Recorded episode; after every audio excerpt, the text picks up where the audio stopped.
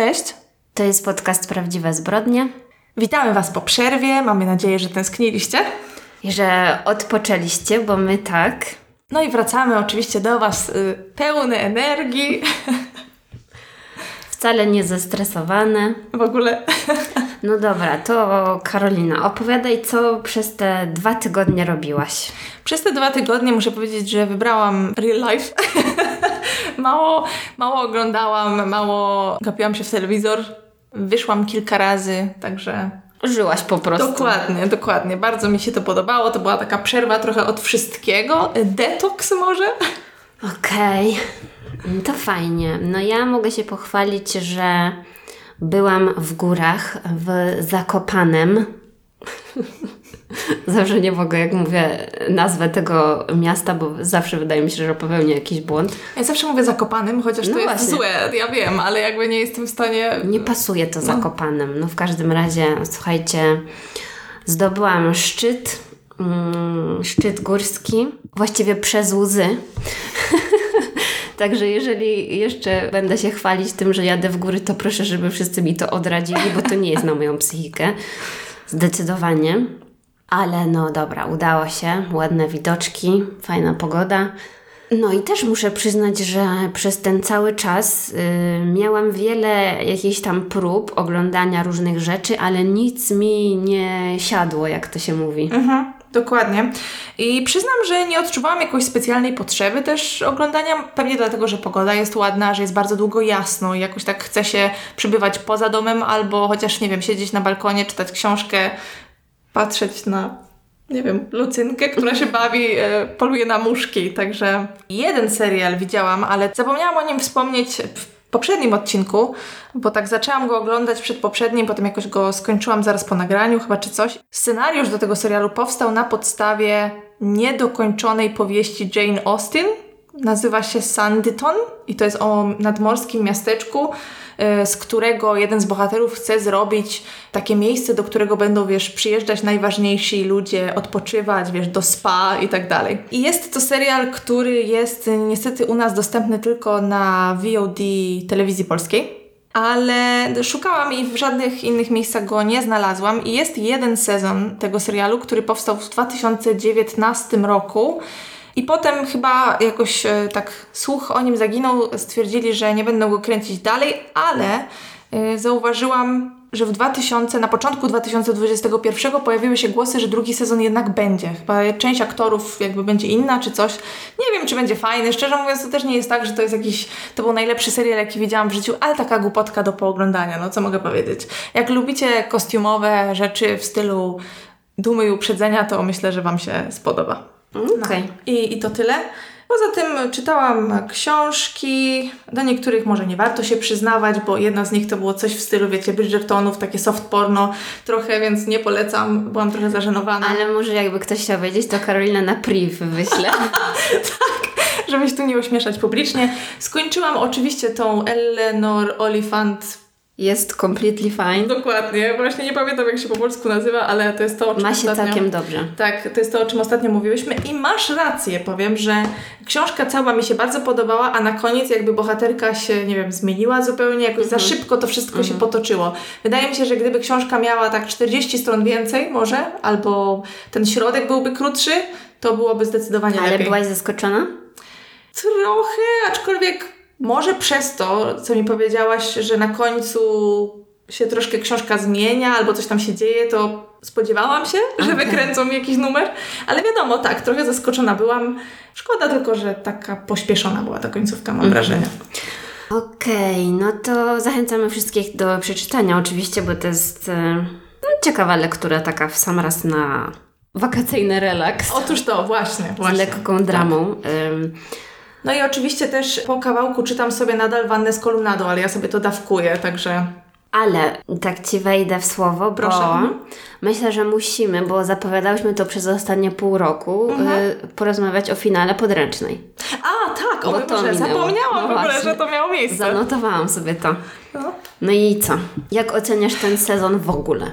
I może zrobimy bez spoilerów w sumie, no bo tak. przy ostatnim razie, jak mówiłyśmy o finale, to ktoś narzekał, że jedzie samochodem i nie może przeskoczyć, także sumie, specjalnie tak. dla Ciebie bez spoilerów.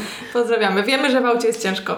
Więc niestety nadal uważam, że cały sezon jest taki. Niektóre odcinki są super, inne są po prostu dla mnie nudne i Ja myślę, że bardzo długo się ten sezon rozkręcał, Tak. bo w drugiej połowie tego sezonu złapali moje zainteresowanie, Mhm. ale na początku każdy odcinek uważam można było przespać, ale z tego jak rozmawiałyśmy z chłopakami z Nie spać słuchać, no to chyba kojarzę, że właśnie oni tak e, bardzo doceniali jakieś tam inne walory tych odcinków, w których nic się nie działo. Mhm. Tak. No ale do mnie to powiedzmy nie trafiło. Ja jednak wolę, żeby ten serial był pełen akcji. Były ze dwa takie odcinki, gdzie było strasznie dużo tanizny, jak dla mnie. Yy, Zresztą rozmawiałyśmy o tym właśnie chyba w odcinku z nimi. Ale ostatni odcinek jest bardzo dobry, bardzo dobry. Ale przyznam, że ja się tego spodziewałam, co się wydarzyło i nawet e, myślę, że to jakoś zapowiedziałam, bo ja tak czułam, oczywiście to też jest bez spoilerów, czułam, że June nie będzie w stanie się odnaleźć w normalnym świecie po prostu, że już wszystkie te kobiety, które uciekły z Gilead, one jednak e, żyją bardziej w świecie takim, że najsilniejszy przeżyje po Tak. prostu. A poza tym wiemy, że June niestety bardzo nie lubi słuchać nikogo i w zasadzie nauczyła się polegać na sobie tylko i wyłącznie, więc No, także to właściwie ta aktorka miała duże pole do popisu, bo to jak ona grała tą swoją furię było na pewno świetne dla niej jako takie doświadczenie. odcinek jak rozmawia z Sereną, No, to o było matko, to mnie wbiło w fotel. I już myślę, że pod koniec to trochę zakrawało o jakąś chorobę psychiczną. Myślę nawet bardzo mocno. No tak, ale ona na pewno musi mieć jakiś, nie wiem, stres pourazowy No. i tak dalej, prawda, więc... Ale chyba wszyscy mamy nadzieję, że to będzie ostatni sezon, ten Tak. kolejny. Koniecznie, koniecznie. Ten ostatni odcinek na pewno wznowił moją miłość do tego serialu. Hmm. Chociaż zastanawiam się, czy jakbym teraz go obejrzała, już z trochę mniejszymi emocjami, to nadal bym uważała, że jest taki fajny. Znaczy fajny. To znaczy tak, ja myślę na pewno, że ten sezon był sporo naciągany i to, że będzie kolejny też jest bardzo naciągane. Myślę, że wszystko to, co chcą nam przekazać w całej tej historii, mogłoby się zmieścić po prostu w jednym sezonie. Też tak myślę o dwóch ostatnich odcinkach. Dużo tam jest jakichś takich luk w logice. E, Dlaczego, jak to się stało, że ktoś mógł zrobić to czy tamto. Może temu mogli poświęcić więcej czasu, a nie jakimś łzawym scenom nikomu niepotrzebnym i flashbackom, które były po nic. No. Mogły zająć 5 sekund, więc... No tak. e, No ale jesteśmy ciekawe, co Wy sądzicie. Dajcie znać, oczywiście. Tak, a jeżeli chodzi o moje jakieś rekomendacje, to zaczęłam oglądać na Apple TV historia Lizzie, tak to się nazywa. Nie wiem, czy ty słyszałaś o tym, bo to jest e, serial zrobiony przez Stephena Kinga w ogóle, e, na podstawie oczywiście powieści Stephena Kinga i sam Stephen King e, twierdzi, że to jest jego ulubiona książka, jaką kiedykolwiek napisał. Więc tam jest bardzo dużo Stephena Kinga i myślę, że do przesady bo ja usłyszałam o tym serialu właśnie z odcinka podcastu Nie spać, słuchać, jednego tam z y, ostatnich. No i oni totalnie pojechali ten serial. To na pewno nie jest serial dla osób, które nie są fanami Stephena Kinga, bo tam jest zdecydowanie jego za dużo i mi się wydaje, że docenią to tylko ci, którzy są jakimiś jego psychofanami. Czyli o ile rozumiem, za dużo Stephena Kinga w Stephenie Tak, Kingu. dokładnie. Dobrze. dokładnie. Bo to jest chyba takie, wiesz, spełnienie jego wszystkich e, fantazji, a on na pewno nie jest, no on jest trochę pojechany. Więc ym, jestem ciekawa, czy ktoś z naszych słuchaczy oglądał ten serial i jest fanem, bo ja przyznam, że próbowałam go oglądać, ale tak właśnie może nie było takiego klimatu, bo jednak to trzeba oglądać jak jest ciemno i mroczno, a teraz cały czas jest jasno, jak na złość. Poza tym, no te rzeczy, które tam się dzieją w, w historii są dość dziwne. Mm, To tak już podchodzi trochę pod takie fantazy. Ale na pewno jest pięknie zrobione. Aha, bo nie powiedziałam najważniejszego, że tam główną rolę gra Julian Moore. O, I ona jest tam piękna. I jakby wszystko się tam kręci wokół kolorów. Wszystko dopasowują, wiesz, do jej włosów. Czy jest serial, w którym ona nie jest piękna, wspaniała, cudowna, utalentowana i nie wiem co jeszcze? No nie wiem, jak, jak ten serial ocenić, bo on jest chyba średni, ale na pewno ciekawy do obejrzenia, bo to jest coś innego. Bo Właśnie te produkcje z Apple TV, one są bardzo dziwne, bo właściwie nic tam mi się za bardzo nie podobało, ale oni chyba przez to, że mają tyle kasy i właściwie mam wrażenie, że ich nie interesuje ocena krytyków, tylko oni robią, bo mogą.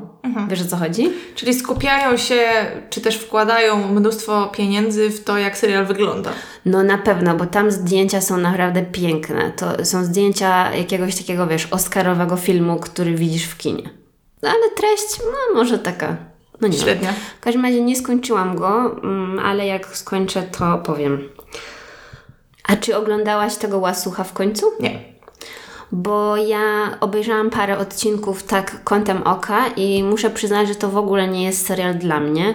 Cała ta historia mi się nie podoba i nie jestem w stanie się w to wkręcić, ale słyszałam bardzo dużo pozytywnych opinii. Mojemu chłopakowi się podoba i chyba chciałby to ze mną oglądać, ale ja za każdym razem mówię, nie, to może ja poczytam, a ty sobie oglądaj, bo jakoś zupełnie mnie to nie wkręca.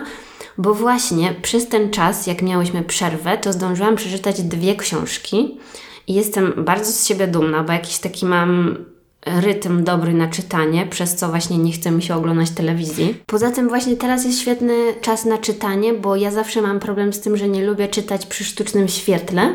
I przez to, że jest tak długo jasno, no to można jakoś tak, y, nie wiem, nie męczyć wzroku czy cokolwiek. Nie wiem, w każdym razie czuję, że jest lepiej na pewno czytać niż w zimie. Więc o jednej książce muszę koniecznie Wam powiedzieć, bo to właściwie wiele naszych słuchaczy ją polecało przy okazji tego odcinka nieszczęsnego z wątkiem wirusa HIV.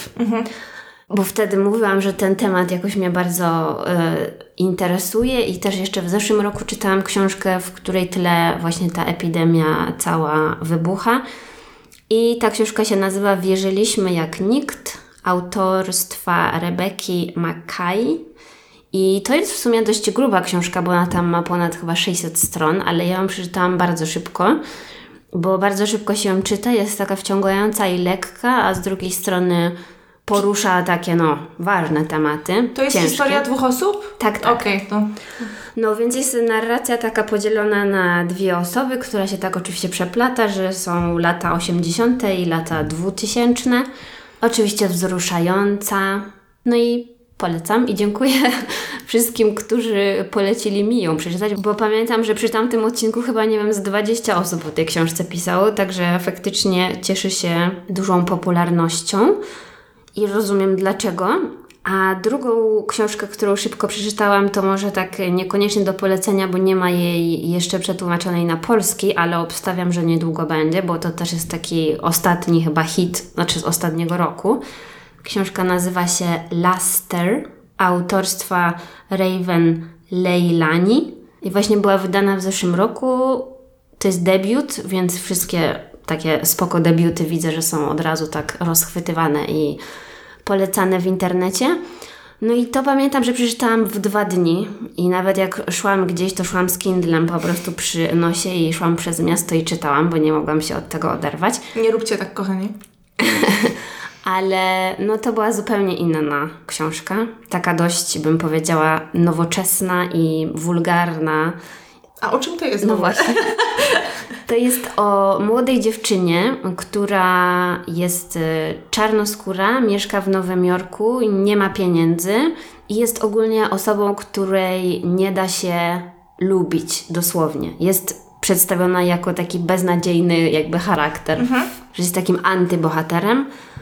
No i ona ogólnie, wiadomo, ma problemy w życiu związane ze wszystkim i wchodzi w romans z, ze starszym mężczyzną, jakimś tam, nie wiem, on ma chyba z 50 lat, jest biały i jest bogaty, ma, ma żonę i dziecko, mieszka na przedmieściach. Mhm. No i ona właściwie wchodzi w związek z całą tą rodziną.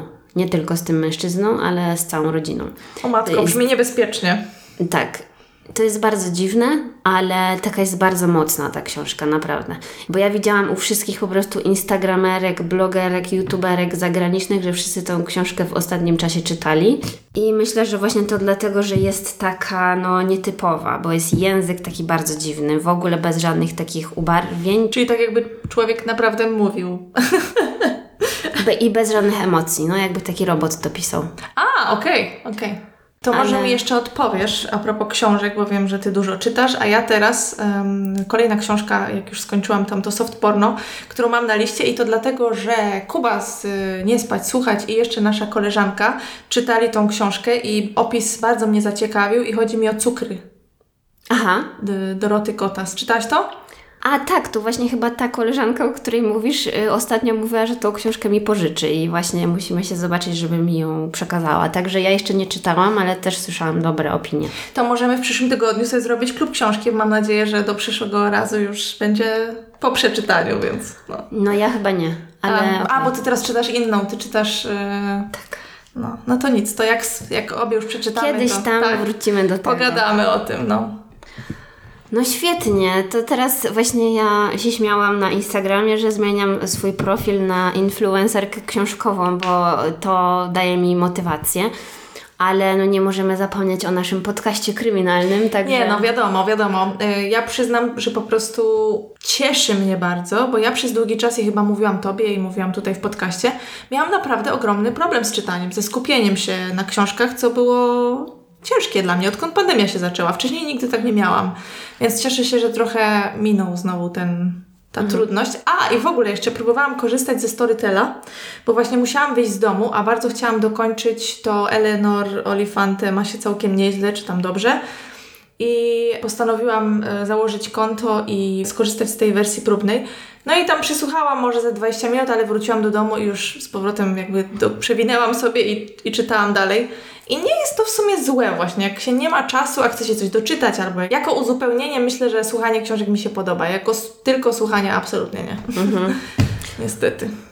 No ja na razie to porzuciłam, No. bo też jakoś w ogóle nie, nie widzę potrzeby, żeby słuchać, bo bardzo mało wychodzę z domu i ja też się dziwię, że w dalszym ciągu mamy słuchaczy podcastu, bo ja przyznam, że bardzo mało słucham. A to nie, to ja podcastów słucham nadal, ale z książkami jednak jest coś w tym dziwnego, zwłaszcza to też mi było śmieszne, bo ja kupiłam tą książkę Eleanor Olifante po polsku, a na Storytelu słuchałam jej po angielsku, więc to też było dosyć zabawne. No, e, No to już na koniec naszej y, jakże długiej dygresji możemy jeszcze Wam polecić. No, w każdym razie zdarzyło się coś, e, co jeszcze do tej pory nam się nie zdarzyło. E, Napisał do nas pan Jacek Tomczuk, który jest dziennikarzem, że pisze artykuł dla Newsweeka o podcastach kryminalnych i czy moglibyśmy o podcastach kryminalnych, o naszym podcaście chwilę porozmawiać. Oczywiście z radością się zgodziłyśmy, chociaż stresu trochę było, myślę, przynajmniej z Stresu mojej było strony. co niemiara. Tak. E, Jak skończyliśmy rozmawiać, to moje uszy były tak czerwone po prostu, że no, e, ale było bardzo miło. No i teraz czekamy na owoce. Tak, prawdopodobnie jak już nasz odcinek będzie opublikowany w środę, no to to będzie w aktualnym numerze Newsweeka, który miał premierę w poniedziałek i online i w wersji papierowej, także Na pewno na Instagramie jeszcze będziemy się chwalić. Ja już myślałam, żeby po prostu zrobić całą relację z pójścia do sklepu, nie? Tak, no właśnie. po tą gazetę. Nie no, oczywiście śmiejemy się, bo domyślamy się, że nasz udział w tym artykule jest naprawdę minimalny, no ale zawsze fajnie poczytać coś o tym, czym się zajmujemy i jeżeli Was również podcasty kryminalne interesują, bo ich słuchacie, no to możecie sobie poczytać, bo Tak. myślę, że I jestem ciekawa, co inni też powiedzieli Ta- twórcy. Tak, właśnie od innych twórców również tam będą jakieś wstawki, bo my całego artykułu jeszcze nie widziałyśmy. Ale okazuje się, że musimy ćwiczyć sztukę konwersacji i e, formułowania argumentów, także e, Co jest dość dziwne, bo jakby nie było już od, jak to obliczyłyśmy, y, dwóch i pół roku praktykujemy to co tydzień. tak, to prawda, tylko że właśnie w innej formie, wiesz, to jednak jak przygotowujemy notatki, jest czas te myśli zebrać, prawda? A tutaj, no, problem. Także podziwiamy wszystkich, którzy tak e, na żywo są w stanie mądrze dyskutować w telewizji, w radiu albo gdzieś tam. Otóż to. No i co? Myślę, że możemy dzisiaj już e, zakończyć tą e, e, dygresję. No dobrze, to zapraszamy na historię numer jeden. Opowie ją Karolina. Tak. I dzisiaj opowiem historię, która jak dla mnie, ja nie wiem, nie mieści mi się w głowie, więc myślę, że będziecie zaskoczeni. Wow. Tak samo jak ja. W ogóle też boję się takiej sytuacji, w której okazuje się, że wszyscy znają tą sprawę poza mną. Sprawa zaczyna się w roku 2003, dokładnie 29 czerwca w Manchesterze w Wielkiej Brytanii, kiedy to w niedzielę e, chłopak o imieniu Mark, prawdziwe imiona głównych bohaterów tej historii e, są zmienione, ze względu na to, że są nieletni. I sąd Czyli zakazał... on tak naprawdę się nie nazywał Nie, Mark. nie, nie, nie. Okej. Znalazłam w jednym ze źródeł prawdziwe nazwisko jednego z bohaterów, imię i nazwisko jednego z bohaterów tej historii, ale postanowiłam tego nie mówić, bo po co? Skoro sąd tak postanowił, to były osoby nieletnie, to po co tak robić? No i e, ten chłopak, którego będziemy nazywać Marki, zresztą tak go nazywają we wszystkich e, źródłach, miał w tamtym momencie 16 lat i zadzwonił na numer alarmowy i zgłosił, że jego kolega został dźgnięty nożem. Kiedy policja przyjechała na miejsce, oczywiście pogotowie też, ten jego kolega, którego będziemy nazywać John, on miał e, 14 lat, był w bardzo ciężkim stanie, został dźgnięty dwa razy z tego co pamiętam i, i te dźgnięcia przebiły mu chyba nerkę, wątrobę, no tam obrażeń miał sporo. Oczywiście czym prędzej zabrano go do szpitala na intensywną terapię. E, No, a Mark oczywiście opowiedział policji o tym, co się stało. Oni byli w takiej e, uliczce, gdzieś tam z jakimiś sklepami, no wiesz, jak to w mieście mnóstwo jest jakichś takich przejść. E, No i Mark powiedział, że napadł ich jakiś tam młody mężczyzna, opisał jak był ubrany, mniej więcej jak wyglądał. Miał mieć około 20 lat i oczywiście policja bardzo się przejęła, zaczęli nadawać w mediach, żeby rodzice uważali tak na swoje dzieci, jak wyglądał ten napastnik i tak dalej. Policja zaczęła prowadzić y, swoje śledztwo dosyć rutynowo, czyli rozglądać się po okolicy, rozmawiać z ludźmi, przesłuchiwać Marka. No John był w stanie krytycznym w szpitalu i dosyć szybko zwrócono się ku y, kamerom, tak, które były umieszczone, y, no tak jak u nas, tak, w mieście są kamery, jak to się mówi, CCTV to jest monitoring. No i właśnie zaczęli przeglądać ten monitoring miejski i okazało się, że jedna z kamer monitoringu wychodzi właśnie zaraz na tą uliczkę, czyli jakby widać, kto w nią wchodzi. No i zaczęli ją przeglądać, wiesz, tam pewnie godziny tych nagrań były i z różnych tych kamer, więc domyślam się, że to była dosyć żmudna robota. No i policja rzeczywiście zauważyła moment na, tej, na nagraniu, w którym Mark i John wchodzą do tej alejki. Byli tam około 25 minut, ale nikt inny się tam nie pojawia. Mhm. No więc policja idzie do Marka i mówi, no stary, o co chodzi? tak? Nikt inny tam nie wchodzi, to jaki napastnik? O czym ty mówisz? Mark na początku nie bardzo chciał z nimi rozmawiać, no ale policja powiedziała, że mają nagranie, na którym widzą, że tylko on z Johnem wchodzą w tą alejkę i nikt inny się tam nie pojawia. Nie było żadnej innej opcji, żeby się tam prześlizgnąć. No i Mark w końcu po tym grillowaniu przez y, policjantów przyznaje się, że rzeczywiście to on dźgnął Johna. Ale w sumie to i tak nadal wydawało się policji bardzo, bardzo dziwne. Najpierw podejrzewali na przykład, nie wiem, jakiegoś pedofila, prawda, który gdzieś tam za nimi szedł ze szkoły czy coś. Chociaż nie, to była niedziela, to nie mógł za nimi iść ze szkoły. No w każdym razie znalazłam takie informacje, że myśleli, że to właśnie może jakiś pedofil za chłopcami szedł. No i mijają dni od y, tego zdarzenia i w końcu Mark przyznaje się, że on dźgnął Johna dlatego, że został zwerbowany przez agentkę tajnych służb. Policja jest trochę zdziwiona, nie brzmi to w ogóle prawdopodobnie. Zaczynają przyglądać się życiu Marka. Oczywiście Mark y, został już aresztowany, tak, za usiłowanie zabójstwa. Jeszcze zanim te rewelacje na temat tajnych służb y, wyszły na jaw. No i on powiedział, że ta kobieta zwerbowała go w internecie. Przypominam, że to był rok 2003, kiedy czatroomy przeżywały lata y, świetności. Y, I właśnie Mark z takiego czatroomu korzystał. Ponoć y, korzystał chętnie z czatroomu, który właśnie był poświęcony nastolatkom z tamtego rejonu, w którym mieszkał. I tam dzieci się, wiesz, poznawały, zaprzyjaźniały i tak dalej. Jednym z częstych tematów, który tam wypływał, był seks, oczywiście, wiadomo, nastolatki. No i Mark bardzo dużo czasu spędzał właśnie w, w internecie, w tych chatroomach. Był takim sobie uczniem. Większość osób zaangażowanych w tą sprawę przedstawiało Marka jako takiego z okej ocenami, z takiej normalnej rodziny, nic specjalnego. No ale że nie był jakoś specjalnie lotny. No i tak sobie spędzał dużo czasu, y, po kilka godzin dziennie w internecie, na tych chatroomach i w, w tych chatroomach w zasadzie powinnam chyba powiedzieć. No i poznał tam dziewczynę o imieniu Rachel. Zaczęli rozmawiać, nawiązała się między nimi więź, taka chyba dość, dość e, zażyła. I po jakimś czasie okazało się, że w tym chatroomie jest też brat Rachel, John. Rachel również miała mieć 16 lat, John, tak jak mówiłam, był młodszy, bo miał lat 14. I gdzieś tam ta cała trójka się kolegowała, znajomość pomiędzy Rachel a Markiem kwitła, miłość można powiedzieć, bo w pewnym momencie właśnie do takich wyznań czatowych doszło, że się tam kochają, wiesz. Ale Niestety- widzieli się na żywo? Nie, poza zdjęciami nigdy się nie widzieli, e, planowali spotkanie kilkukrotnie. W jednym ze źródeł widziałam, że Mark często proponował spotkanie, bardzo chciał się z Rachel spotkać, natomiast no, nigdy nie wyszło, o dziwo. Mm, No i w pewnym momencie odzywa się na tym czacie mężczyzna o imieniu Kevin. W jedynym programie, jaki znalazłam na ten temat, akurat jest też bardzo szczegółowy artykuł na Vanity Fair o tej sprawie, który oczywiście Wam podlinkuję. Tam o tym chyba nie wspominają, ale właśnie w tym programie, który znalazłam, e, przez w sumie zupełny przypadek, mówili, że Kevin twierdził, że pisze na różowo, bo jest gejem, Mhm. E, Albo w tych takich czatrumach pewnie można było tak, zmieniać kolor czcionki, tak. A poza tym też e, reklamował się jako stalker z prawdziwego zdarzenia. Wiesz, udowodnił to, że jest stalkerem, e, porywając dziewczynę Marka Rachel. I któregoś dnia napisał do Marka, mówiąc, że porwał Rachel i zamierza ją zgwałcić i ją zabić, jeśli Mark nie spełni jego żądań. Mhm. To czekaj, mogę już strzelić, że ten Kevin i Rachel to jedna osoba. No szok, nie? Okej. Tak, myślę, że już znamy kilka takich spraw, więc nie jest to trudne do wydedukowania.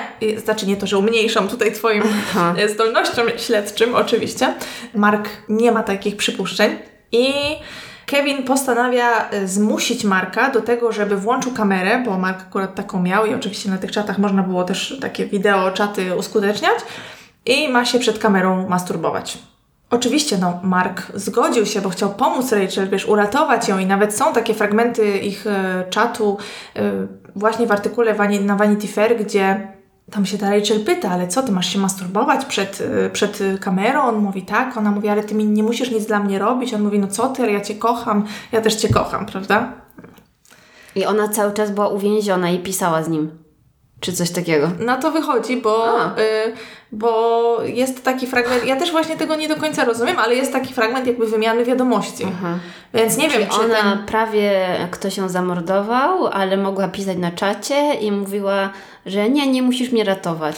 Tak, bo jakby ja na początku zrozumiałam, że Kevin groził, że ją porwie, Mhm, e, a z kolei w tym filmie mówili, że on ją porwał i napisał o tym do Marka. No dobra, to są takie detale, no. Są detale. Może, może nie No. przemyślał wszystkiego. Tak, ale jakby wydaje mi się, że najbardziej prawdopodobna wersja i chyba tak też pisali w Vanity Fair, że Kevin groził, że porwie i zrobię krzywdę Rachel. Mhm, Wiesz o co chodzi. I tutaj te, te wersje się trochę e, rozjeżdżały. No i niestety e, Rachel tak czy inaczej zniknęła. Przestała odzywać się do Marka, mimo to, że zrobił wszystko, żeby jej pomóc, żeby ją uratować. A później dowiedział się, że Rachel niestety została zgwałcona i zabita. E, W jednym ze źródeł widziałam, już nie pamiętam w którym to było artykule, że Rachel potem pojawiała się jeszcze na czacie, bo niby nie została zamordowana, tylko była w bardzo ciężkim stanie, a potem ozdrowiała. Wiesz, dużo w tej sprawie informacji było zatajonych jakby, poza tym tych czatów, tych, wiesz, linii dialogu, wszędzie wspominają, że tam było, wiesz, tysiące dziesiątki tysięcy, więc tego materiału było naprawdę dużo. Także tutaj szczerze widziałam pewne rozbieżności. No i w tym wszystkim Mark i John zbliżyli się do siebie. To jest trochę dziwne i o tym też wspominają akurat w tym serialu dokumentalnym, którego nawet nazwy nie znam szczerze mówiąc, ale postaram się znaleźć Wam tam wpiszę. I tam wspominają, że to jest w sumie trochę dziwne, że Mark tak szybko przeszedł do porządku dziennego z tym, co się stało, nie wezwał policji, nadal korzystał z tego czatu, prawda? No ale nie wiem, nie wiem dlaczego.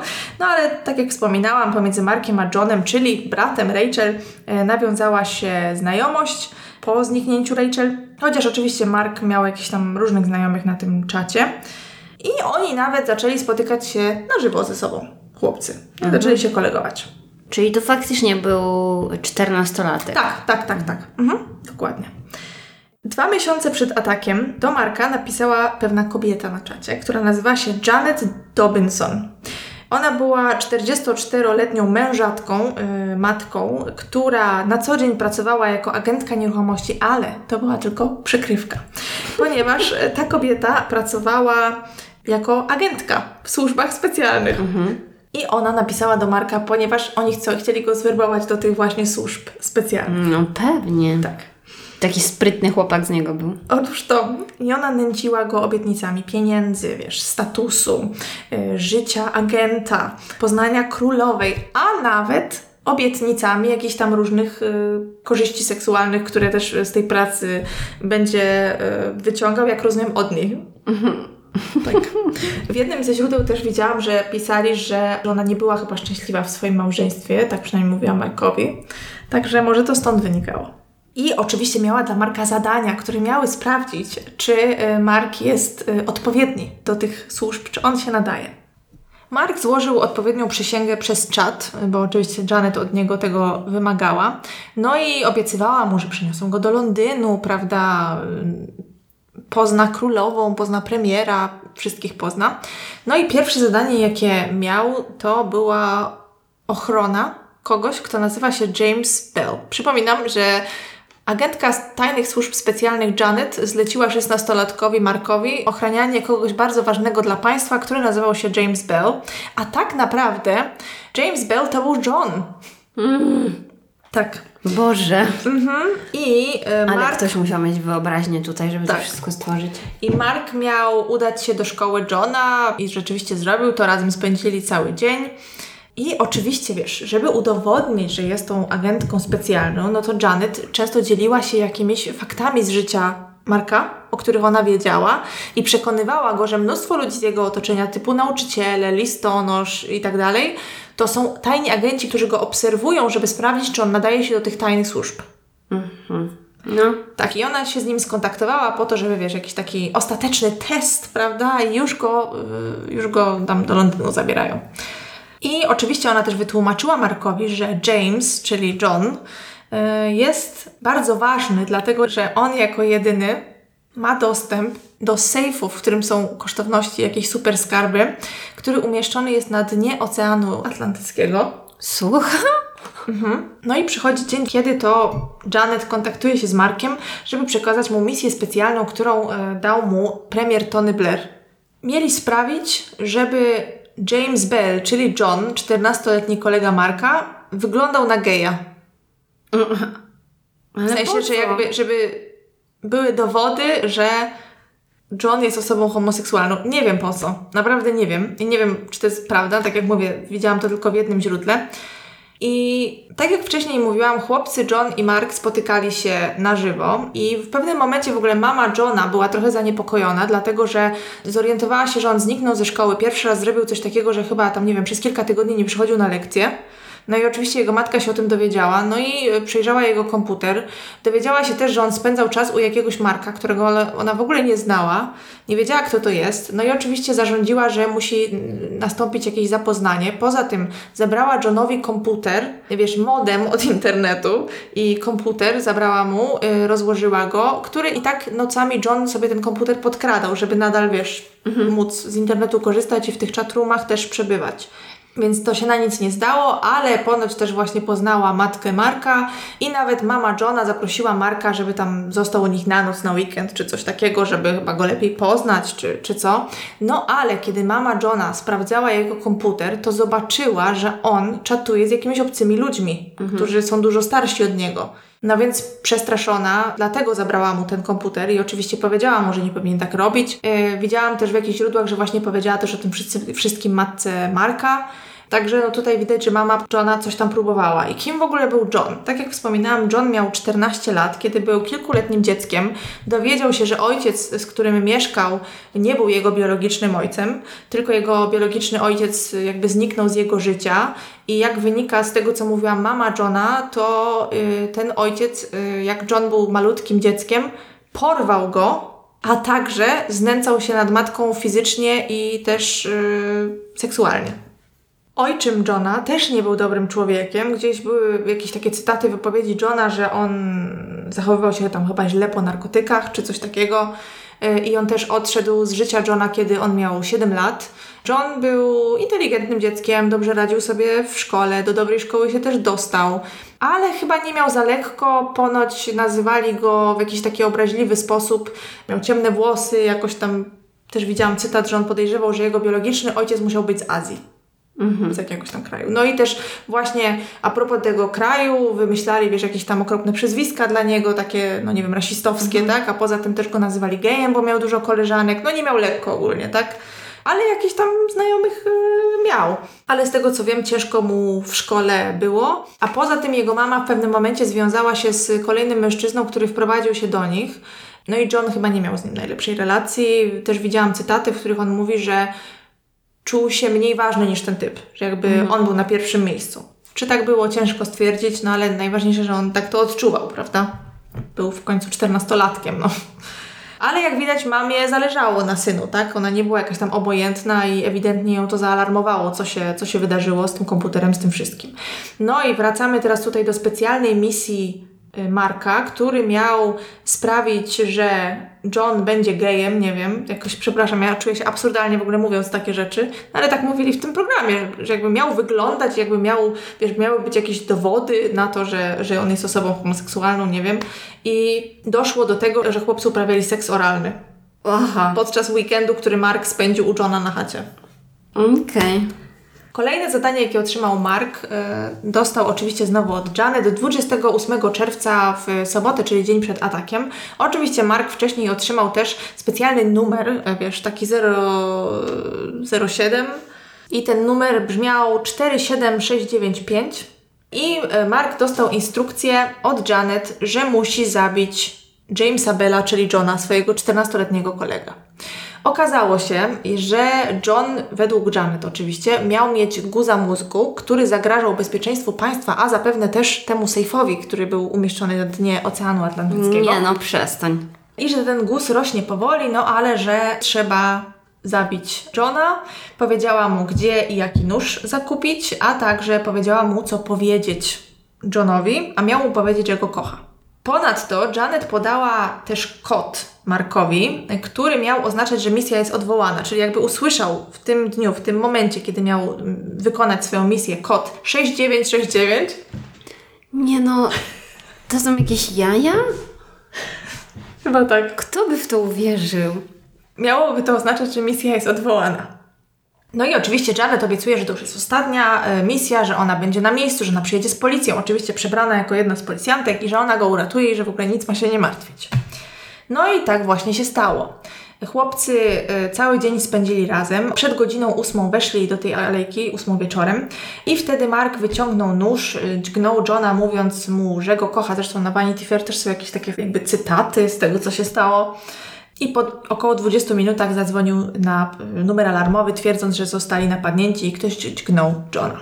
Oczywiście bardzo szybko Mark zorientował się, że żadna Janet nie przybyła przebrana za policjantkę, dlatego zajęło mu kilka dobrych dni, żeby się przyznać, bo on chyba cały czas czekał, aż ta Janet przyjedzie i go uratuje. O mój Boże.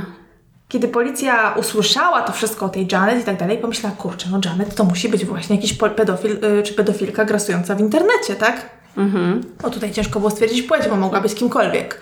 No więc zaczęli właśnie y, szukać kogoś takiego i analizowali te rozmowy, analizowali, tak jak ja mówiłam, tam były dziesiątki tysięcy linijek po prostu dialogu, tak? Zorientowano się dosyć szybko, że wszystkie te osoby, z którymi Mark miał te rozmowy, Kevin, gwałciciel, stalker, ktoś tam, Janet, y, Rachel, że to wszystko musiała być jedna osoba. Mm, A to dlatego, że mimo to, że w ogóle też wypowiadał się jakiś policjant czy policjantka, już nie pamiętam, mm, chyba pani detektyw może nawet to była, że każda z tych osób posługiwała się innym językiem. Że to było niesamowite, że ta osoba, która się podszywała pod tych wszystkich ludzi, była tak dobra w tym, że na pierwszy rzut oka, a nawet przy głębszej jakiejś analizie, niczego nie zauważyli. Dopiero zauważyli przy jednym słowie, chodziło tutaj o słowo maybe, czyli może, e, zauważyli, że wszystkie osoby popełniają tą samą literówkę. Aha, że była. Tak, dokładnie. Jak zaczęli tak coraz głębiej to analizować, to zorientowali się, że jeszcze jedna osoba popełniła taki sam błąd. No i to był John. Tam, tam, tam.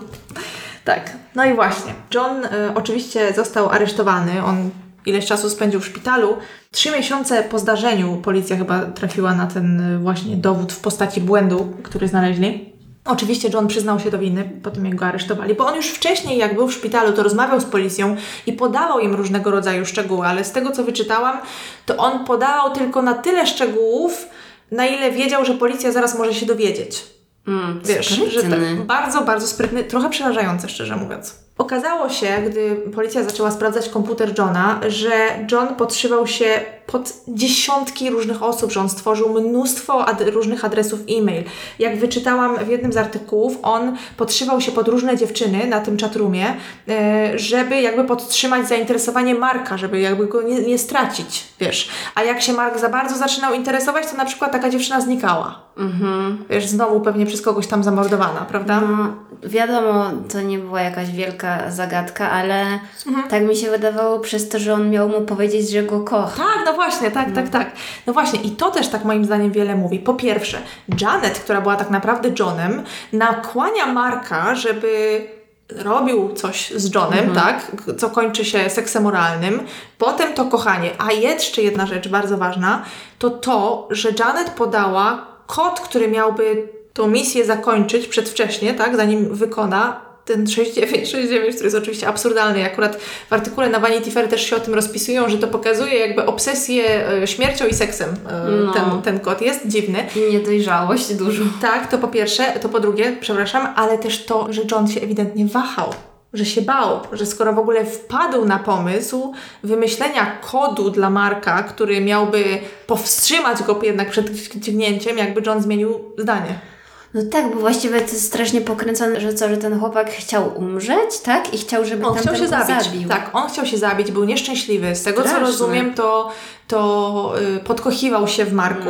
Autor tego artykułu na Vanity Fair, przepraszam, autorka y, tego artykułu na Vanity Fair zwraca uwagę na to i podkreśla, że w większości źródeł ani prawnicy, ani nikt nie zwrócili uwagi na to, że w niektórych fragmentach rozmowy z Markiem widać, że jakby John trochę się waha, czy by się jednak nie przyznać. Że zadają mu jakieś takie dziwne pytania, co byś zrobił gdyby, albo jakby to wyszło gdyby. Tam ona nawet jakieś cytaty dała, ja to Wam wszystko wrzucę, e, bo przecież nie będę Wam tu całego artykułu cytować, bo to by było bez sensu. I jakby on sam potem mówił, że z jednej strony był tym wszystkim zmęczony, że nie chciał już tego, ale nie wiedział, jak się z tego wydostać. Więc tworzył te wszystkie zawiłości, jakieś sposoby, czy też powody, dla których ci różni ludzie z czatroomu znikają. A z drugiej strony, no jednak musiało mu się to w jakiś sposób podobać, prawda? Że on tak pociąga za sznurki yy, i, i że yy, na początku wymyślił sobie tą Rachel, to zażarło, że tak powiem. Mark uwierzył w to, potem był stalker, gwałciciel Kevin. I teraz jeszcze jak o tym myślę, to rzeczywiście w tym artykule na Vanity Fair e, tam podawali taki ciąg zdarzeń, że Kevin pojawił się w życiu Rachel i jej brata Johna, groziło im niebezpieczeństwo ze strony stalkera Kevina i wtedy jakby Kevin zaszantażował Marka, żeby on masturbował się przed kamerą, to wtedy krzywda się nikomu nie stanie, a i tak Rachel się krzywda stała. No. A potem jeszcze w ogóle, jak y, teraz sobie przypominam, cudzysłów Kevin oczywiście, potem jeszcze opisał Markowi, jak on robił Rachel krzywdę swoją drogą. No więc to jest strasznie dziwna sprawa, że właśnie Mark, Mark też nie zareagował w żaden sposób, nie powiedział tego nikomu, nie wiem, nie poszedł na policję, cokolwiek. No. W ogóle naprawdę bardzo, bardzo dziwne. No a John już zabrnął tak daleko, że no tak naprawdę, no nie wiem, nie było już z tego wyjścia, bo przecież Mark na pewno by się już nie chciał z nim przyjaźnić, kolegować, a tam ewidentnie jakieś uczucia były. Komu miał powiedzieć? Matce miał powiedzieć? Kolegom, których nie miał, którzy się z niego śmiali? Wiesz, no jakby ja go nie tłumaczę w żaden sposób, bo to, co zrobił, było maksymalnie złe, no. Nawet nie wyobrażam sobie wpaść na taki plan. A z drugiej strony mam wrażenie, że to jest jakiś jeden wielki krzyk o pomoc, bo na przykład też y, mówili o tym, że John miał takie nerwowe odruchy, że na przykład mył się i ubierał tylko w konkretnej kolejności. Że na przykład wszystko musiał mieć w odpowiedni sposób poukładane, wiesz. Więc ewidentnie chłopak miał jakiś problem, tak? No i w pewnym momencie stwierdził, że nie chce już żyć. Że chce, żeby jego życie się skończyło, że wtedy już nic mu się nie stanie. Oczywiście w międzyczasie się uz- uzależnił od tego czatu, od internetu. Przecież on, jak wynika z, właśnie z tych różnych artykułów, on tam spędzał od godziny czwartej po południu do siódmej rano, dopóki nie musiał wychodzić, wiesz. Więc to była po prostu obsesja. Tak, to była obsesja. On w ogóle przestał ponoć jeść w pewnym momencie, a raczej nie należał do jakiejś specjalnie, wiesz, więc po prostu schudł i no tam się zadziało coś bardzo, bardzo, bardzo złego. Oczywiście w szkole też zauważyli, że trochę opuścił się w nauce, y, że nie wchodzi w interakcję żadną z rówieśnikami, że, że siedzi gdzieś z boku, wiesz, tam czyta sobie książki. Kolejną rzeczą, która y, była dowodem dla policji w tej sprawie, to było to, że jakby zauważyli wzór logowania się tych różnych osób, tak? Że jak jedna osoba była, to drugiej nie było i tak dalej, więc, więc jakby trochę tego wszystkiego zebrali. No i teraz tylko była kwestia, o co tak naprawdę oskarżyć Johna. No, chyba i- o nic. Jedyne, co im przyszło do głowy i okazało się, że nigdy takiej sprawy do tej pory nie było, przynajmniej w Wielkiej Brytanii, o podżegania do morderstwa samego siebie. I o to też go oskarżyli. Natomiast Mark został oskarżony o usiłowanie morderstwa. Mm. No to Mark wyszedł na tym najgorzej. Ale, tak jak wynika z, ze źródeł, które znalazłam na ten temat, ewidentnie wszyscy byli bardziej przychylni Markowi, który gdzieś tam został zmanipulowany. Nie wiem, co on miał w głowie, czy on chciał w to wierzyć, czy dla niego to była jakaś alternatywna rzeczywistość, która tak naprawdę, nie wiem, naprawdę nie wiem, co tam się podziało. Ale widziałam takie opinie, że jakby to, że dwóch tych chłopców na siebie trafiło, to to spowodowało tą No tak, sytuację. tak.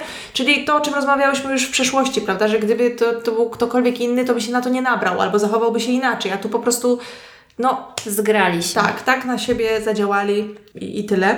I oboje przyznali się do winy, zostali skazani. E, Mark, tak jak mówię, był troszeczkę mniej osądzany, do Johna podchodzili mocno tak krytycznie i w sumie no nie dziwię się, tak on to wszystko zaplanował. Mm, Natomiast jego prawnik próbował z niego robić jakiegoś takiego geniusza w zasadzie nawet, że jaki to on jest mądry, jakim on byłby świetnym tam prawnikiem czy kimś tam. No i pewnie tak, bo jest mądry, prawda? Ewidentnie No mądry, tylko zaburzony. tak, no. Mark miał powiedzieć, że był głupcem i w ogóle sprawa trafiła do sądu w maju rok później, czyli w 2004 roku.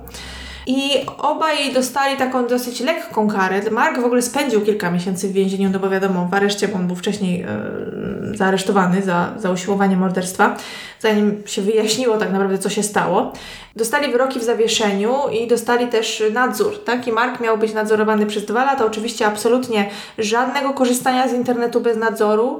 Sąd stwierdził, że chłopcy nigdy nie mogą się już spotkać, że za, zabra, zakazał tego. E, no i oczywiście absolutnie żadnych chatroomów.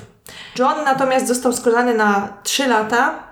Również nadzór, również y, zakaz kontaktowania się z Markiem i korzystania y, z chatroomów. I znalazłam też takie informacje, że John w pewnym momencie, po tym jak to wszystko się skończyło, znalazł sobie dziewczynę, dobrze się uczył i ogólnie świetlana przyszłość przed nim. I w tym artykule na Vanity Fair mówili też, że mimo to, że media nagłośniły tą sprawę pchnięcia nastolatka nożem zaraz po tym, jak to się wydarzyło, to sąd zakazał prostowania tej sprawy. Jakby w ogóle nie chciał, żeby jakiekolwiek dane z tej sprawy mm, były ujawniane. I ponoć John na te wszystkie swoje historie czerpał mm, inspiracje z filmów na przykład, chociażby, wiesz, z Jamesa Bonda. No i myślę, że to by było na tyle. Oczywiście jest tam jeszcze sporo szczegółów, ale tak jak mówiłam, podlinkuję Wam ten artykuł na Vanity Fair. Myślę, że to jest takie najbardziej rozległe źródło na ten temat. To, to jest artykuł z 2006 roku, więc już trochę stary wiadomo, ale najważniejsze informacje tam są. No to faktycznie zaskoczyłaś, myślę, nas wszystkich tą sprawą. I jeszcze mm, dodam tylko, że szukając źródeł na temat tej sprawy, y, na Wikipedii dowiedziałam się, że jest film, który nazywa się You Want Me to Kill Him. I to jest film, który powstał w 2013 roku w Wielkiej Brytanii, y, właśnie zainspirowany tą sprawą. Widziałam niestety tylko zapowiedź. A program dokumentalny, o którym wcześniej wspomniałam, e, został wyprodukowany przez Channel 4 i nazywa się Psycho Kill Me If You Can. Oczywiście nazwę też Wam wpiszę w opisie, plus e, te wszystkie artykuły, z których e, korzystałam. No dobrze, to moja dzisiejsza historia będzie zupełnie przeciwna do Twojej, bardzo poważna i smutna. Zero śmiechu znowu. Nie no, ja mam nadzieję, że Wy się tutaj nie gniewacie, że czasami ciężko było się powstrzymać, ale no te fragmenty niektóre były tak absurdalne, że Nie, nie, no, wiadomo. Wszyscy rozumiemy. jeżeli słyszycie dźwięki, to Lucynka próbuje wbić się do pokoju. Pozdrawiam Was. Moja historia zaczyna się rano, chwilę przed dziewiątą, 10 kwietnia 2001 roku, kiedy dom rodziny Fisherów w mieście Scottsdale w stanie Arizona został kompletnie zniszczony. Wyglądało to jak po prostu wielki wybuch.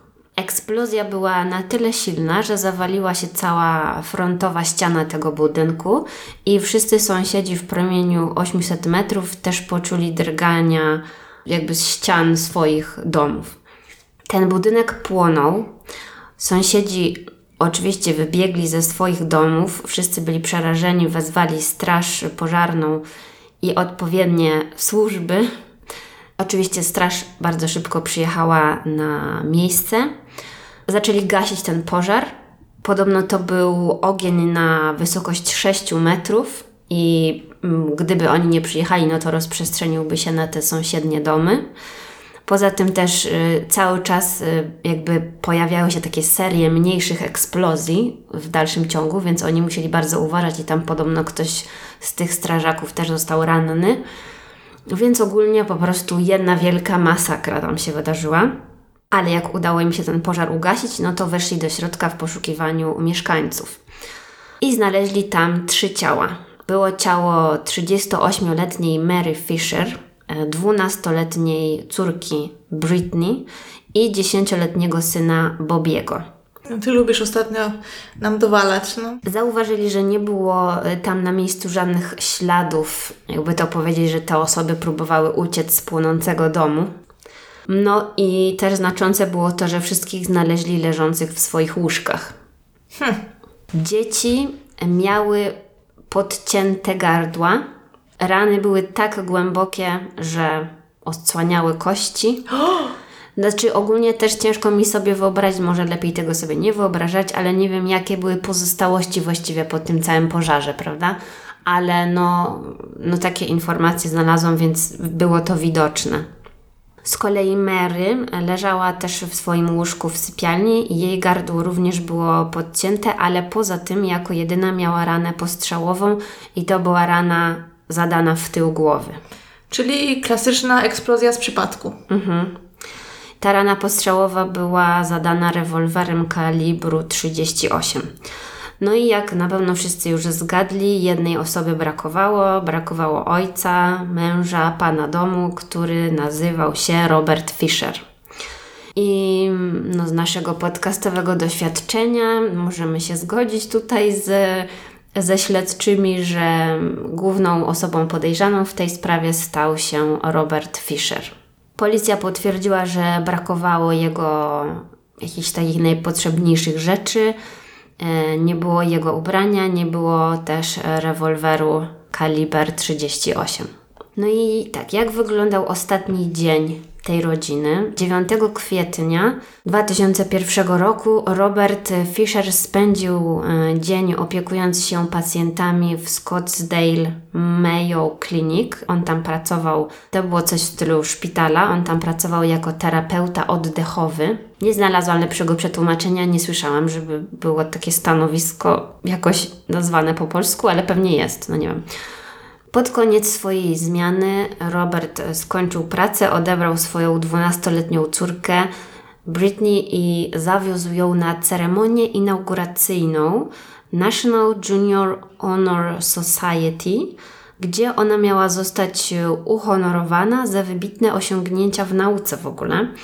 I podczas tej ceremonii podobno Robert bardzo się niecierpliwił, spieszył się i podobno wyszli stamtąd, zanim ta córka zdążyła swoją nagrodę odebrać. Co?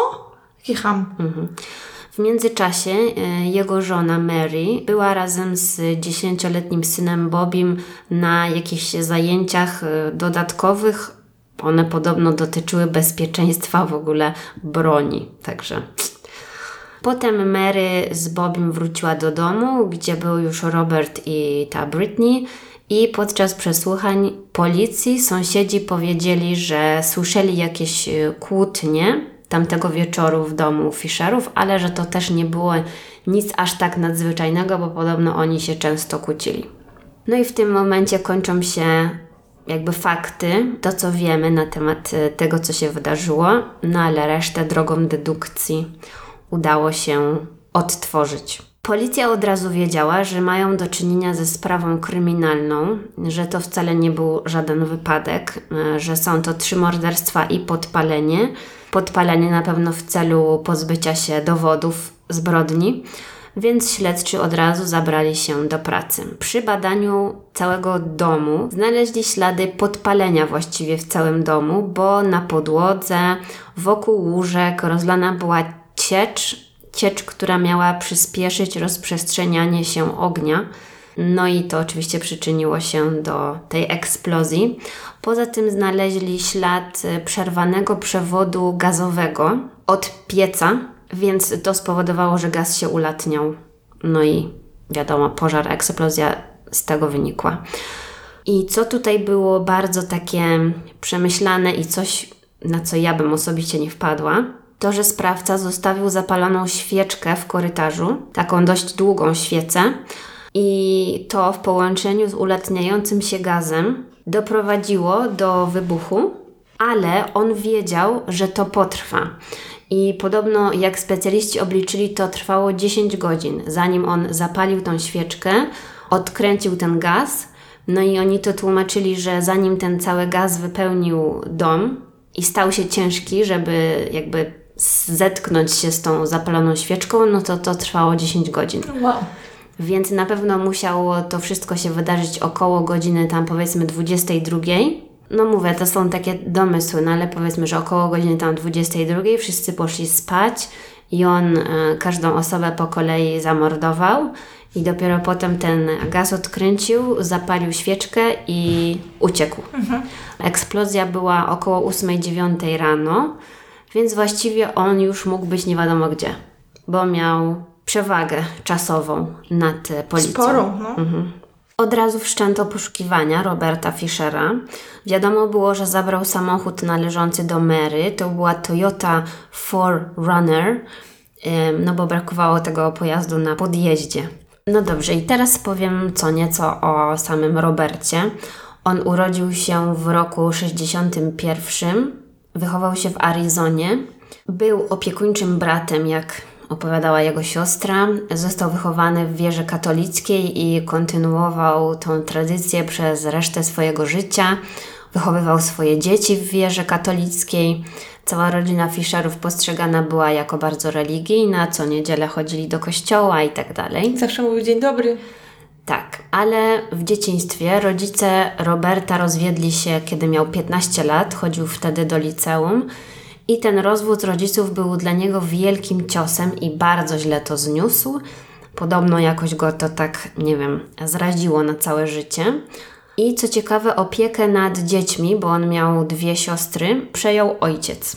Więc y, możliwe, że za bardzo nie miał kontaktu z matką. No i tak, śledczy wysnuli teorię, że Robert y, zamordował całą swoją rodzinę, ponieważ y, źle się układało między nim a Mary i prawdopodobnie doszłoby między nimi do rozwodu, a rozwód, tak jak mówiłam, to byłaby dla niego jakaś taka wielka trauma.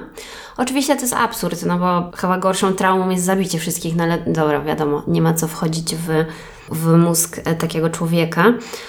W każdym razie on nie chciał, żeby jego dzieci przechodziły przez to samo, co on przechodził, tak? Nie chciał im zniszczyć życia, więc zniszczył życie. No nie no, przepraszam, logika tragiczna.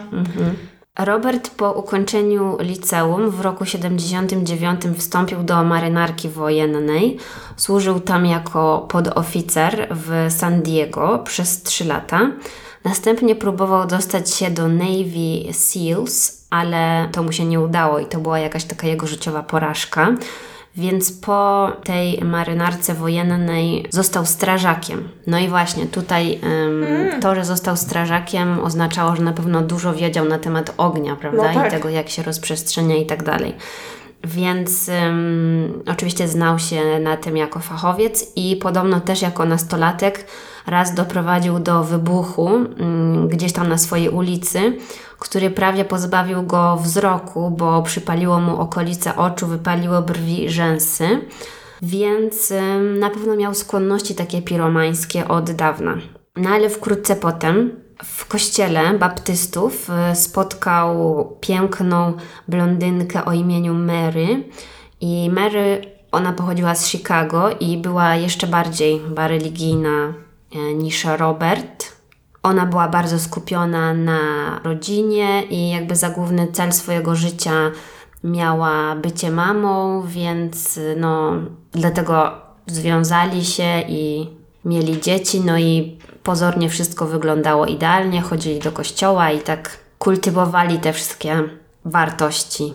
Po ślubie w roku 87 przeprowadzili się do tego miasteczka Scottsdale i kupili tam dom, mieszkali w pobliżu rodziców Mary. Rok później urodziła się ich córka Britney, a następnie syn Bobby w roku 91.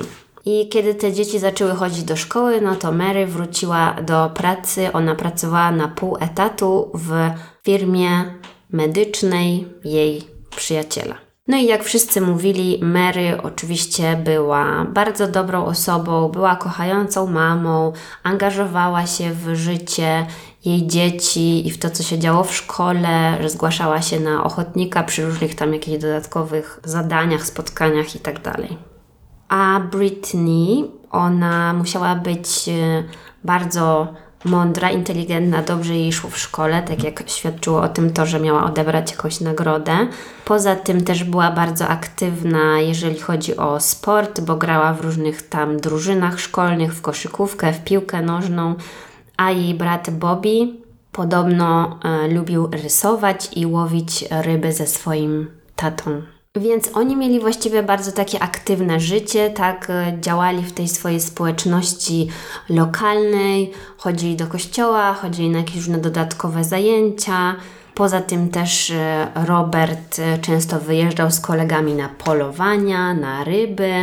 Także no, oni byli znani, lubiani w tamtej okolicy i sprawiali wrażenie całkiem normalnej rodziny. No ale wspominałaś, że nikt się nie wzruszył, jak e, słychać było u nich awanturę. Tak, no właśnie, bo w pewnym momencie coś się między nimi zmieniło. Podobno, kiedy e, Mary gdzieś tam wyjechała, no to Robert, jak to mówili jego bliscy, nie, nie mówię, że, że to są moje słowa, uległ pokusie, tak? Wiesz, uległ pokusie po prostu i no zdradził żonę. No i oni przyznał się do tego romansu. Nie wiem, czy to była jednorazowa akcja, czy to trwało jakoś tam dłużej.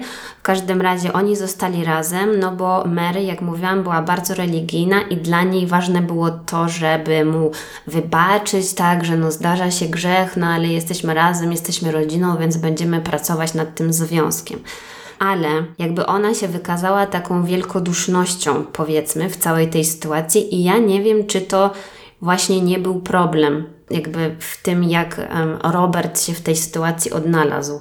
Bo tak bardzo naciągając i interpretując, mi się wydaje, że była to dla niego taka patowa sytuacja, bo on na pewno nie chciał się zmienić, tak? Ale też nie chciał się rozwieść, bo w jego jakiejś tam pokręconej y, głowie rozwód to było coś strasznego, ale z drugiej strony żyć z nią też nie chciał. Strasznie głupie, no po prostu ludzie, no można się chyba rozwieść, prawda? No, Na pewno tak lepiej niż to, co zrobił. No, jest- no ale wiadomo, w wielu tego typu e, sprawach, tych rodzinnych morderstwach, wszystko się sprowadza do tego samego, tak? Że koleś sobie po prostu stworzył jakiś dziwny system wartości. w którym jest lepiej zabić własne dzieci y, niż rozwieść się z żoną. No, tak. Dlatego właśnie mówiłam, że sąsiedzi słyszeli kłótnie i że nie było w tym nic dziwnego, no bo już z czasem właśnie jak e, okazało się, że nie są w stanie tego związku naprawić, no to napięcie rosło między nimi, często się kłócili. Właściwie to podobno Mary bardziej na niego krzyczała, bo on e, zachowywał zawsze taki stoicki spokój. I ona krzyczała, że, że go zostawi, że się z nim rozwiedzie, że to koniec i tak dalej, więc no, to sąsiedzi słyszeli. A może on nie mógł tych gruźb znieść po prostu. Według znajomych e, Roberta pozornie nic e, nie wskazywało na to, że coś takiego mogłoby się wydarzyć, wiadomo. Nie no, po swoich przyjaciołach rzadko kiedy spodziewamy się najgorszego, prawda? Ale mówili, że był e, zapalonym myśliwym i rybakiem, i właśnie na tych wyjazdach czasami pokazywał swoją prawdziwą twarz. Podobno polować zaczął już jako nastolatek, więc też na pewno miał pozwolenie na broń w związku z tym. I właśnie ten temat polowań dał detektywom jakby dużo do myślenia, bo znajomi, z którymi jeździł na polowania, mówili, że bywał agresywny i na przykład kiedy zabił łosia, no, upolował łosia, no to następnie wysmarował całe swoje ciało jego krwią. Mm, To nie jest normalne zachowanie, tak? To świadczy o czymś trochę dziwnym. Też był jakiś inny incydent. dlaczego chciał zabijać łosia? No, wiadomo. Też był jakiś inny incydent, kiedy łowili ryby nad jeziorem i Robert zauważył jakąś grupę mężczyzn siedzącą na przeciwnym brzegu tego jeziora. I nie wiem, czy jakoś tak go zdenerwowało to, że oni tam są, czy chciał ich nastraszyć. W każdym razie nagle ci jego koledzy patrzą, a Robert zniknął, bo płynie przez to całe jezioro do tamtych e, facetów w zębach trzyma nóż. Nie wiem w sumie jak ta historia się skończyła, ale obstałem, że on pewnie chciał to w jakiś żart obrócić czy coś. W każdym razie to było kolejne takie zachowanie podejrzane, agresywne, no jakieś takie niepokojące. Z drugiej strony, na przykład y, znajomi z pracy, no bo jednak on pracował w służbie zdrowia, no to mówili, że tak opiekował się swoimi pacjentami, że kochał swoje dzieci, że zawsze dobrze wypowiadał się o swojej rodzinie w pracy. I wszyscy ludzie z jego otoczenia, właśnie tak z tego szpitala czy sąsiedzi, mówili, że wydawał się takim zupełnie normalnym facetem. Ale rodzina i przyjaciele po stronie Mary właśnie już od dłuższego czasu obserwowali, że jednak on się trochę zmienia i w związku, no nie dość, że ją zdradził, no to już wiadomo, był na tej straconej pozycji, ale z drugiej strony to była bardzo religijna społeczność, więc oni to też trochę tłumaczyli tym, że uległ pokusie, tak? No ale dobra. Mówili, że on Mary bardzo kontrolował, że podobno wymagał od niej, żeby prosiła go o pozwolenie, zanim gdzieś wyjdzie, zanim coś zrobi. Także no na pewno to był człowiek o dwóch twarzach.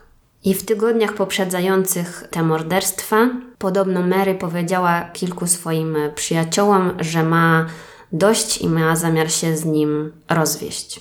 No tak, i według niego już nie miał wyjścia, tak? Tak, no i właśnie bardzo symboliczne jest to, że Mary została najpierw zastrzelona. Dlatego tutaj detektyw wypowiadał się w jednym e, programie, który oglądałam. On mówił, że według e, niego to wszystko to, co się wydarzyło, to była zemsta na żonie. Właśnie przez to, że ją e, najpierw zastrzelił. Że to wszystko było takie, no wiesz, dla niego symboliczne. No i oczywiście pożar po to, żeby pozbyć się wszystkich dowodów i mieć czas na ucieczkę. No ale właściwie żadnych dowodów się nie pozbył, bo chociażby ślad po tej kuli zostanie na zawsze, bo jakby to mówili, że to nie spłonęłoby w pożarze. Ale wracając do śledztwa, śledczy przeszukują każdy możliwy skrawek ziemi i internetu w poszukiwaniu Roberta. E, No i na szczęście mamy ten monitoring, więc e, znaleźli nagranie z kamery, jak e, wyjmował pieniądze z bankomatu o godzinie 22.40 w Scottsdale, w tym miasteczku.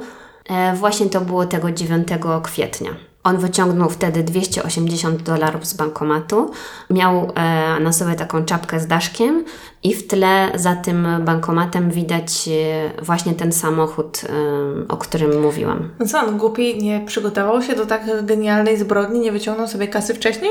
Który to był rok jeszcze raz? 2001. No tak, no to może jeszcze y, True Crime nie było takie popularne, to się nie naoglądał. No wiesz co, mogę Ci powiedzieć spoiler, jeżeli chcesz, e, że do tej pory nie wiadomo gdzie on jest. Także jednak jest trochę sprytny. No dobra. To wszystko pewnie dzięki temu, że kupił sobie tyle czasu, tyle godzin. Mhm. Czyli jedno, masz rację, jednak popisał się sprytem. Bo zdziwił mnie ten bankomat, jak na to, że tak, wiesz, pomyślał o tym, co, kiedy zrobić, jak i tak dalej, a No, ale potem poszedł do bankomatu. ostatni raz, no. kiedy mają jakiekolwiek nagranie z jego twarzą gdzieś. Także... Czyli to taki John List style trochę. Dokładnie, tylko że no nie wiadomo jak to się skończy właściwie, Mhm. ale dobra, wracając. Właśnie po tym zdjęciu przy bankomacie ślad się po nim urwał. No i następnego newsa mamy 10 dni później, czyli 20 kwietnia. Znaleziono ten samochód Toyota 4Runner, który został porzucony w Tonto National Forest, czyli w takim parku narodowym oddalonym jakieś półtorej godziny od Scottsdale. I to był teren bardzo rozległy, dziki, zalesiony, a poza tym, co bardzo takie no, ciekawe w tym przypadku, że tam było mnóstwo takich jaskiń i skał. A, a on przecież jako fan natury, rybołówstwa Tak. i polowań doskonale mógł sobie tam poradzić. Mhm. Tak, i jak pokazywali na wideo, to ja jakby nie, nie zrozumiałam do końca, że nazywają to jaskiniami, bo to nie były takie jaskinie, jakie jak, ja kojarzę z polskich gór, tylko to były takie jaskinie dziury w ziemi. Więc zdecydowanie ciężej jest y, taki teren w ogóle przeszukać, bo tych jaskiń była niezliczona ilość.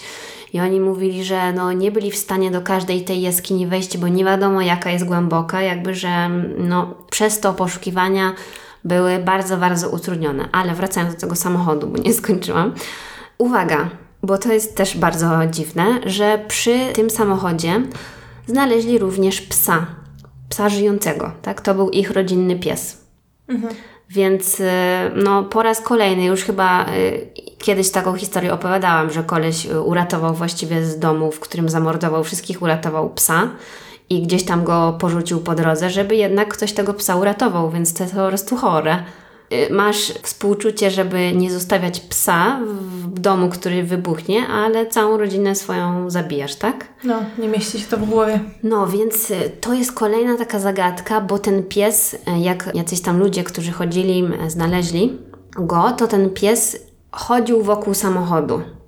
Więc on ewidentnie jakby wiedział, tak, że to jest jego pana, żeby się nie oddalać, że nie wiem, że może zaraz wróci, czy coś takiego. Więc dziwne jest to, że oczywiście tego Roberta tam nie było i nie było po nim śladu, ale dlaczego, pytanie, dlaczego pies nie poszedł za nim?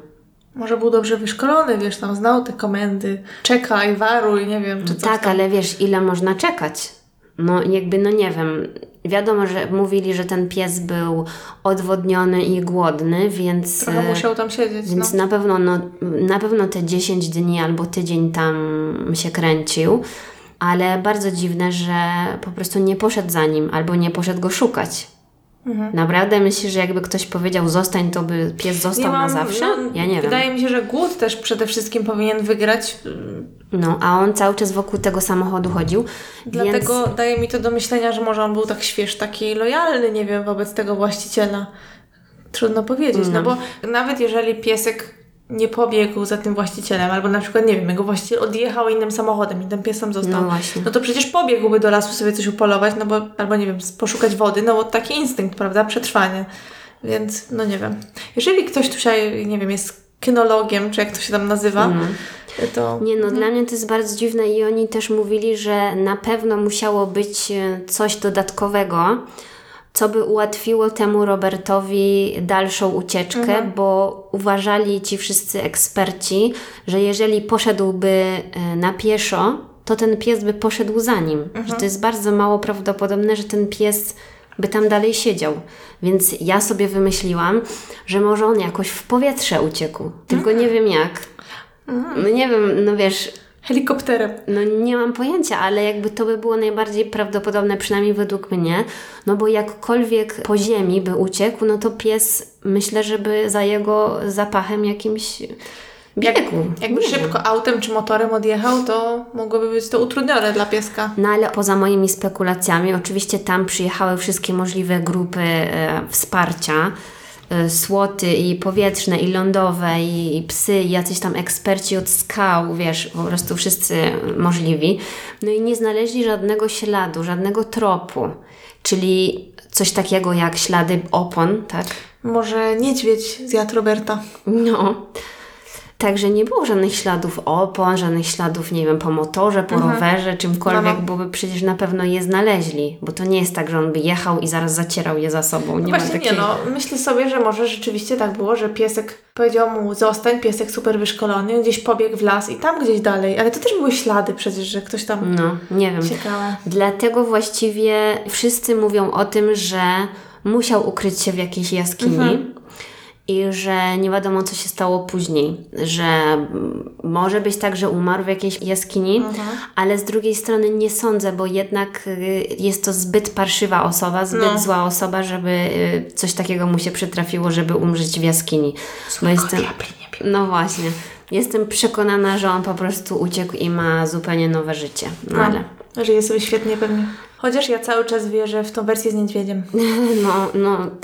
Tak, tylko przez to, że on był takim właśnie jakby survivalistą, no to na pewno by sobie długo poradził e, w takich warunkach. No ale pojawiali się jacyś tam świadkowie, którzy mówili, że widzieli podobnego mężczyznę do niego idącego główną ulicą przy tym właśnie lesie. No ale już było za późno, żeby to e, sprawdzić, bo ta para zgłosiła się na policję dopiero jak oni zaczęli to nagłaśniać, po tym jak dowiedzieli się z mediów, że znaleziono ten samochód. Więc to już było tam, nie wiem, 10 dni wcześniej czy coś takiego, więc wiadomo, że nic, nic z tego. Kolejny świadek to No był... tak, no bo przepraszam, że ci wejdę słowa, ale nikt bez powodu nie zgłasza, że ktoś idzie ulicą, prawda? Więc to jakby tak, no.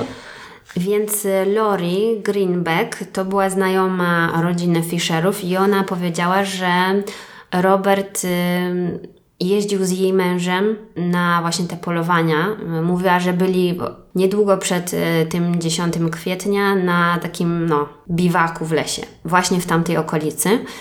I podobno jej mąż, tak po głębszym przemyśleniu, stwierdził, że on sprawdzał tamtą okolicę, sprawdzał teren. O, robił, o, research robił. I że oni twierdzili, że on bardzo dobrze znał tamten e, teren i że pewnie by sobie poradził. Prawnie Robert Fisher jest w dalszym ciągu uznany za zbiega. Postawiono mu zarzuty trzech morderstw pierwszego stopnia i jedno podpalenie. I jest na nim federalny nakaz aresztowania. 29 czerwca 2002 roku Robert został umieszczony na liście FBI 10 Most Wanted, najbardziej poszukiwanych przez FBI. I FBI wciąż chyba, tak? Bo on, ja go znalazłam właśnie po tej liście, bo tak o sobie w czasie wolnym sprawdzałam, jacy są najbardziej poszukiwani. I oferują za niego nagrodę w wysokości 100 tysięcy dolarów za informacje jakieś, które by umożliwiły schwytanie go. Od tego czasu możecie się wszyscy domyślić, że FBI otrzymało po prostu mnóstwo, mnóstwo, mnóstwo tych tipów. Ludzie cały czas y, dzwonią, cały czas zgłaszają, że być może go widzieli tu, być może go widzieli tu. No i oni oczywiście wszystkie te em, wskazówki mają obowiązek sprawdzić. Podobno nawet jakiegoś mężczyznę trzymali w areszcie w Kanadzie przez tydzień, bo myśleli, że to jest on, po czym okazało się, że nie. A właśnie w mojej historii chyba też dzisiejszej też tak było, że zaaresztowali jakąś biedną Rachel, czy tam przepity, przepytywali, która nie miała nic wspólnego. No to jest straszne w sumie, no ale muszą sprawdzić, prawda? Także mm, jeżeli chodzi o te różne właśnie mm, teorie, czy on był gdzieś widziany, ym, to jest dużo informacji, ale generalnie chodzi o to, że nie znaleziono go i nie ma żadnych takich rzetelnych informacji co do jego pobytu, więc nie będę tam Wam tych 150 tipów teraz em, przywoływać. Mm, W każdym razie nawet już doszło do takiej paranoi, że myśleli, że może po prostu zmienił sobie odciski palców, bo tamtemu kolesiowi odciski palców się nie zgadzały, no ale nie znaleźli żadnych blizn po przypaleniu czy coś takiego, więc no ciężko tutaj podejrzewać jakiegoś niewinnego człowieka, że sobie, nie wiem, zmienił odciski palców. Wyobraź sobie mieć takiego pecha, żeby być podobnym do jakiegoś zwyrola, no. Więc y, pozostaje pytanie, czy on w ogóle żyje. No ale tak jak już mówiłyśmy, złego diabli nie biorą, więc jest bardzo prawdopodobne, że jest po prostu na tyle sprytny, że schował się w tej jaskini na jakiś czas, potem uciekł. Mówili, że bardzo łatwo byłoby mu uciec właśnie albo do Meksyku, albo do Kanady. Więc równie dobrze może sobie żyć spokojnie. Najgorsze, bo taki człowiek właśnie jest bardzo dobrze przygotowany do takiej ucieczki, tak? Jeżeli jeszcze miał zainteresowania, ach, pewnie sobie jedzenie złowił jeszcze przy okazji, najgorzej. No i jeżeli chodzi o spekulację, czy mógł popełnić samobójstwo, bo też jest taka teoria, to na przykład popełnił samobójstwo, a jego ciało zostało zjedzone przez jakieś dzikie zwierzęta tam w tym lesie, no też jest taka Ale możliwość. nie wierzę w to. Ale psychologicznie nie pasuje to do jego profilu zupełnie. Poza tym też religijnie to nie pasuje, no bo jednak jeżeli... Ale morderstwo też nie pasuje. Tak, no wiesz, ale... Nie, myślę, że taka osobowość, gdzie to on by sobie krzywdę zrobił? No więc wszyscy agenci FBI, ym, którzy pracowali przy tej sprawie i, i detektywi, którzy wypowiadali się w e, programach i artykułach na ten temat, oni zgodnie twierdzą, że jest po prostu uciekinierem, żyje pod fałszywym nazwiskiem i prawdopodobnie mieszka albo w Stanach, albo w Meksyku, albo w Kanadzie, bo nie wierzą, że, że mógłby siebie zabić, jeżeli coś takiego zrobił. No bo wiadomo, jeżeli chodziłoby tutaj o samobójstwo, no to właściwie mógłby on popełnić samobójstwo, a wszystkich innych zostawić w spokoju. Tak. No, także jeżeli chodzi o źródła, to z takich programów telewizyjnych ja oglądałam The Hunt with John Walsh, to jest dostępne na YouTubie i w tym programie występuje siostra Roberta. Naprawdę nie wiem, jak ona mogła się pokazać e, w telewizji, bo na pewno to musiało być dla niej okropnie trudne, bo ona właściwie cały czas płacze, jak cokolwiek tam mówi. To jest też już taka e, kobieta około pewnie pięćdziesiątki, bardzo religijna i taka, że no... Musi być jej ciężko. No, ona, że ona cały czas wierzy, że, że jest jakieś wytłumaczenie, ale że chyba wystąpiła w tym programie dlatego, bo jest oczywiście duże prawdopodobieństwo, że jeżeli Robert gdzieś tam jest, no to to zobaczy, bo to jest y, bardzo popularny program, zresztą też parę innych tego typu. No i ona właściwie tak jakby do niego mówiła, że, że my potrzebujemy tego, my potrzebujemy takiego zamknięcia tej sprawy, wyjaśnienia tej sprawy. Jeżeli gdzieś jesteś, no to, no to po prostu daj znać, tak? że, że oni w dalszym ciągu na to czekają. Paskudne. Tylu ludziom zniszczył życie, no. Także to jest ym, oczywiście ohydna sprawa, jak wiele, wiele innych, ale tutaj jest właśnie ten mały e, ząg, że koleś do tej pory nie został odnaleziony. Także jestem ciekawa, czy będzie tak jak w przypadku Lista, no bo teraz już nie pamiętam, ale on też chyba kilkadziesiąt Tak, lat on- Mhm. spokojnie żył, e, żył na wolności. Więc może jeszcze coś się zmieni. Trzymamy kciuki. Tak. Także tradycyjnie dziękujemy naszym patronom. Marcie Michałowi. i Aleksandrze. I tradycyjnie również zachęcamy do sprawdzenia naszego Patronite'a, jakbyście chcieli. Link, Instagrama e, linki są w, w opisie i na Instagram też zapraszamy oczywiście. Dziękujemy za uwagę. I do usłyszenia za tydzień. Do usłyszenia.